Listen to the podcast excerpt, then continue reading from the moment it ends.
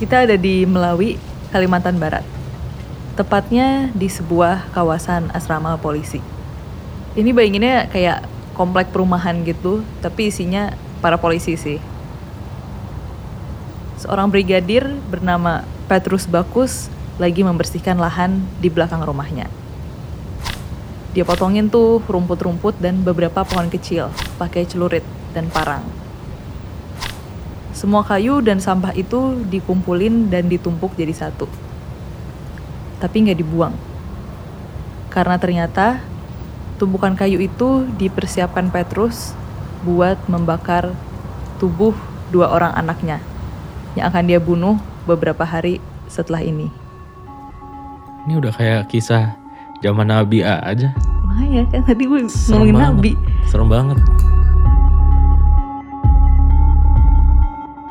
Halo, selamat datang di podcast Indonesia True Crime.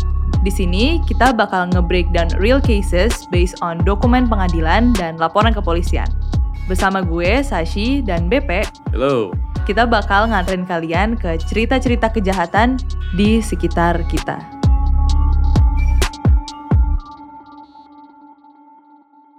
Jadi kita kebetulan pas recording ini kan belum lama ya, Le? belum lama dari zaman-zaman Idul Adha ya, zaman-zaman potong kurban. Heeh. Pas gue baca case ini, gue agak keinget sama cerita di balik Idul Adha itu. Jadi ceritanya adalah buat teman-teman yang nggak tahu, ceritanya adalah ada seorang nabi yang dikasih mimpi buat menyembelih anaknya.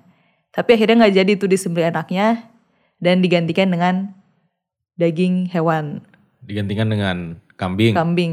Saat itu kambing ya? Kambing kayak. Ya, kambing. Nah, kisah ini ada kemiripan, tapi bedanya saat si bapaknya berusaha menyembelih anaknya, nggak ada tuh penggantian menjadi kambing atau hewan kurban lainnya. Tuhan tidak menggantinya sebagai salah satu di antara hewan-hewan ternak ya. Betul. Makanya jadi cukup serem dan berujung di pengadilan. Langsung aja kita masuk ke ceritanya. Kita kembali lagi ke Melawi, Kalimantan Barat. Waktu itu tahun 2016. Kenalin Petrus, seorang polisi di bagian intel gitu yang masih muda. Umurnya masih 27 tahun. Kalau dari berita-berita online sih dia itu orangnya cukup achieve. Dia pintar dan dia bisa masuk ke divisi intel itu dengan nilai yang paling tinggi. Hmm. Dia ini karirnya bagus ya. Iya. Dia tinggal tuh di asrama polisi bersama istri dan kedua anaknya yang masih kecil. Satu masih tiga tahun dan satu lagi masih lima tahun. Suatu hari, Petrus ini menelepon Dharma. Dia kayak juniornya gitulah ya di kepolisian. Si Petrus bilang, Mak, tolong dong beliin parang dan celurit. Si Dharmanya nanya dong, lah buat apaan emang bang? Dan dia bilang, buat nebas rumput di samping rumah nih, gue mau beres-beres gitu. Akhirnya Dharma menyanggupi, dibelilah dan diantarkanlah dua buah parang ke rumahnya Petrus. Tapi kan salah tuh, harusnya kan satu celurit satu parang. Jadi disuruh balik lagi si Dharma ini ke tokonya dan ditukerlah menjadi celurit. Setelah itu Petrus membayar parang dan celuritnya ke Dharma dan sempet tuh diajakin, eh ayo dong bantuin nih sini sini. Tapi si Dharmanya kebetulan lagi ada piket, jadi ya udahlah Petrus beres-beres rumahnya sendiri. Kayak scene di awal tadi, dia membersihkan lahan di belakang rumahnya. Terus dikumpulin dan ditumpuk tuh kayu-kayu dan sampah hasil tebasannya di belakang rumah. Beberapa hari setelahnya, tengah malam gitu jam 12-an, entah kenapa Petrus ini pergi ke rumah atasannya dengan membawa dua anaknya. Namanya Bian dan Amora, Cowok cewek itu ya. cowok cewek. Nah mereka datangi rumah atasannya Petrus, tapi ternyata atasannya ini kan udah tidur. Dan pas ditanya sama penjaga rumahnya, dibilangnya, udah ah gak apa-apa besok aja, gak perlu sekarang buru-buru. Akhirnya mereka bertiga kembali tuh ke rumahnya Petrus. Sampai di pengadilannya diputusannya pun gak jelas juga sebenarnya tujuan Petrus itu ngapain ke rumah atasannya malam-malam bawa dua orang anaknya. Itu cukup questionable juga sih itu. Kenapa? Ngapain dia? Dan ini juga yang membuat orang-orang kayak melihat dia gitu. Jadi banyak Hmm. saksi yang bilang kayak iya saya yang ketemu Petrus malam itu. Iya dia bawa anaknya Heeh, gitu. dia bawa anaknya. Nah begitu sampai di rumah, anak-anaknya Petrus bersih-bersih, sedangkan Petrusnya ke dapur. Dia mengambil parang dari tempat penyimpanannya di dinding dapur dan diasah itu parangnya. Setelah itu Petrus menulis di kertas HVS. Tulisannya kayak gini. Terjadilah padaku menurut perkataanmu. Buset serem banget. Udah nggak tahu ini konteksnya Apaan apa ya. Maksudnya. Ini dia terima wahyu apa sih BTW? Nah, ini nih. Si Petrus akhirnya memandikan kedua anaknya dan dipakein baju segala macam dibawa ke kamar. Mereka dikasih nonton TV sambil berbaring tuh di kasur. Terus si Petrus keluar lagi dan mengambil parangnya dari dapur. Setelah itu, Petrus kembali ke kamar anak-anaknya dan menyuruh mereka berbaring menelungkup. Anak-anaknya ngikutin aja dong, tanpa tahu harus ngapain dan Petrus menebas leher bagian belakang Bian dan Amora. Setelah itu Petrus memotong kedua kaki dan tangan kedua anaknya itu menggunakan parang lalu dikumpulkan menjadi satu di pojok kamar. Hah? Buat apa? Kenapa dia melakukan itu? Anaknya sendiri lagi. Dia berpikir apa gitu? Apa hasilnya? Apa hasil dari perbuatan dia itu? Gila. Tapi ceritanya belum selesai sampai situ. Setelah itu Petrus kembali itu ke dapur buat mengasah parangnya lagi. Dia membawa parang itu ke kamar istrinya sekarang. Istrinya mana? Iya istri di kamar nih. Waduh, dia nggak tahu itu anaknya lagi di sembelih. Dia nggak tahu. Istrinya ini namanya Windri. Ngeliat dong si Petrus masuk ke kamar berdiri dengan parang. Terus Windri nanya, kenapa apa? Gitu kan. Petrusnya bilang, maafkan papa ya ma. What the fuck? Karena ngeliat parang, Windri langsung nanya, kamu mau bunuh aku kah? Dan Petrus bilang, iya. Terus Windrinya, dia bilang kayak gini, tunggu, aku mau lihat anak-anak. Enggak, enggak, enggak, enggak, enggak. Ini ini hancur banget sih. Enggak, enggak, enggak, enggak, enggak. Enggak boleh anjing kayak begitu. Dan Petrus bilang, anak-anak udah nggak ada. Bingung dong si Windri, maksudnya apa? Dan Petrus ngasih lihat sweater yang dia pakai saat itu, yang ada bercak darahnya. Darah anak-anaknya yang baru ditebas dengan parang. Apa yang terjadi dengan Windri? Ya Windri langsung ke kamar anak-anaknya kan untuk beneran gak sih ini anak-anak gue udah nggak ada. Terus dia lihat itu anak-anaknya yang sudah dipotong-potong. Iya, dia melihat anaknya yang sudah nggak bernyawa. Reaksi Windri, dia memeluk Petrus dan bilang, kamu sadar nggak sih, Pak? Gitu. Dan Petrus bilang, iya. Abis itu Windri nanya dong, kok mereka nggak ada yang nangis, nggak ada yang teriak, nggak ada yang manggil-manggil aku gitu. Dan Petrus mengatakan kalau mereka udah pasrah. Dan Windri akhirnya nanya, siapa yang nyuruh? Siapa yang menyuruh anak-anaknya ini dibunuh sampai Petrus teganya memutilasi kedua anaknya? Dan Petrus bilang, atas perintah Tuhan.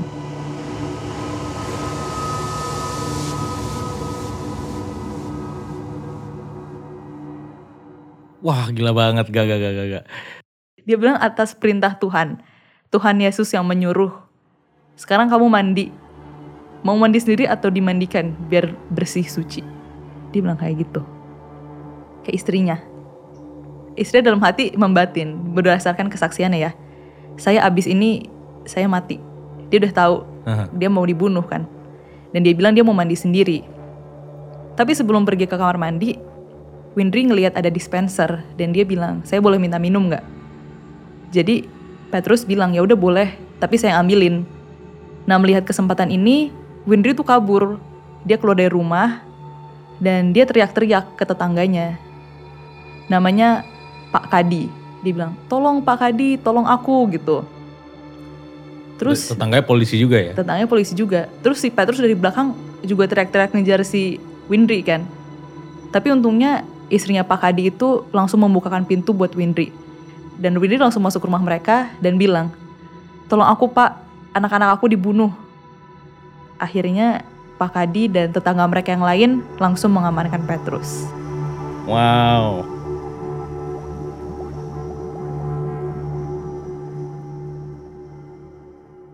Sejauh ini cukup gila ya. Ini gila banget Gila sih. banget kan? Gila banget. Tapi ini pertanyaan gue adalah, ini dia tuh dapat perintah dari mana gitu? Wahyu apa gitu? Gak ngerti juga. Jadi hmm, dibilangnya sih gini, dia itu melakukan pembunuhan terhadap anaknya untuk dibersihkan. Jadi mungkin setelah dibunuh akan dibersihkan atau pembunuhan adalah pembersihan itu kita juga nggak tahu. Siapa yang bilang kayak gitu? Dia dapat bisikan. Yah. Kayak kayak di episode sebelumnya dia dapat bisikan. nih. Anjirit. Kemudian katanya setelah membersihkan anaknya, dia juga akan membersihkan istrinya dan membakar mereka menjadi satu di atas tumpukan yang di belakang rumahnya itu, di kayu-kayu yang ditumpuk itu. Dan rencananya setelah itu Petrus juga bakal bunuh diri. Jadi mereka berempat akan ada dalam satu tumpukan pembakaran yang sama. Gitu.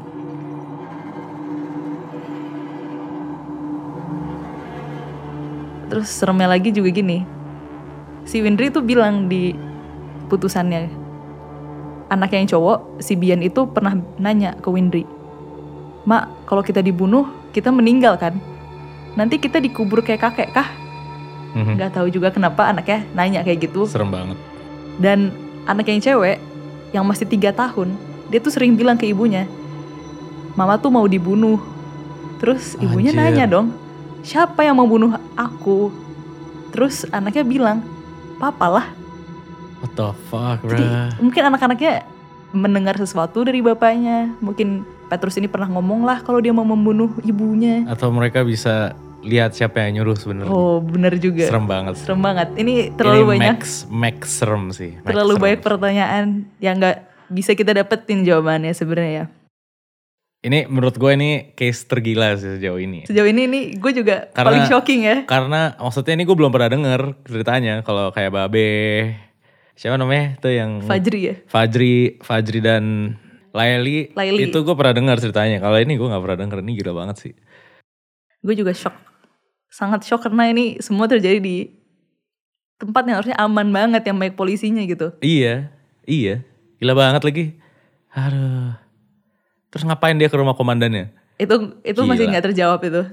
Petrus awalnya dituntut penjara seumur hidup karena dia dianggap pura-pura gila. Katanya di katanya selama ditahan dia ngomong ngo- ngoceh-ngoceh nggak jelas gitu. Dia bilang ini perintah Tuhan segala macam. Tapi di putusan pada tingkat akhir, pada tingkat kasasinya itu, Petrus dibebaskan dari hukuman karena dia dianggap memiliki gangguan kejiwaan. What the fuck? Dan dia diperintahkan untuk menempati RSJ selama satu tahun. Terus dia dikeluarin gitu dari RSJ. Ya, What the supposedly dikeluarin Terus dia ya. udah udah keluar ke masyarakat sekarang. Gak ada sih berita terbarunya, cuma Nah, kalau melihat Ini gila tahun banget 2016 harusnya dia udah keluar ya. Ih, lu tau gak sih ini ini konspirasi konspirasi gila ya. Tahu lu tau gak? Kok dia bisa sih di RSJ cuma setahun? Tau? Kenapa? Karena ternyata komandannya itu bagian dari kultusnya. Terus kayak komandannya bagian dari kayak Anjir. kultus death cult besar gitu di antara kalangan perwira polisi. Pembakaran keluarga. Iya, kayak jangan-jangan. Waduh, serem banget ya kalau sampai kayak gitu. Serem banget nih, aduh ngomongin bisikan-bisikan setan. Iya, dari kemarin kita lagi banyak ada kasus-kasus yang berhubungan sama bisikan-bisikan setan ya. Jangan-jangan bisikan setan ini terorganisir tau Sash. Kayak misalnya eh, tren ini ternyata ada di tempat yang beda-beda. Terus ternyata itu bagian dari fenomena paranormal gitu. Oh, Oh Serem shit. banget. Oh shit. serem banget ya kasus-kasus kayak gini membuat gue banyak bertanya-tanya sih.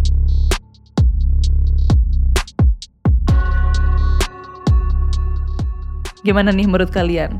Pantes gak sih si Petrus ini dianggap sebagai orang yang punya gangguan kejiwaan? Atau menurut kalian dia emang ya pura-pura gila aja gitu? Mungkin dia punya motif-motif tersembunyi kenapa dia membunuh anaknya sendiri. Jangan lupa tinggalin komentar kalian di kolom komentar di bawah ini atau di question box di Spotify ya. Kalau kalian suka dengerin cerita-cerita crime di Indonesia kayak gini, boleh dong subscribe dan follow podcast Indonesia True Crime di Noise dan Spotify.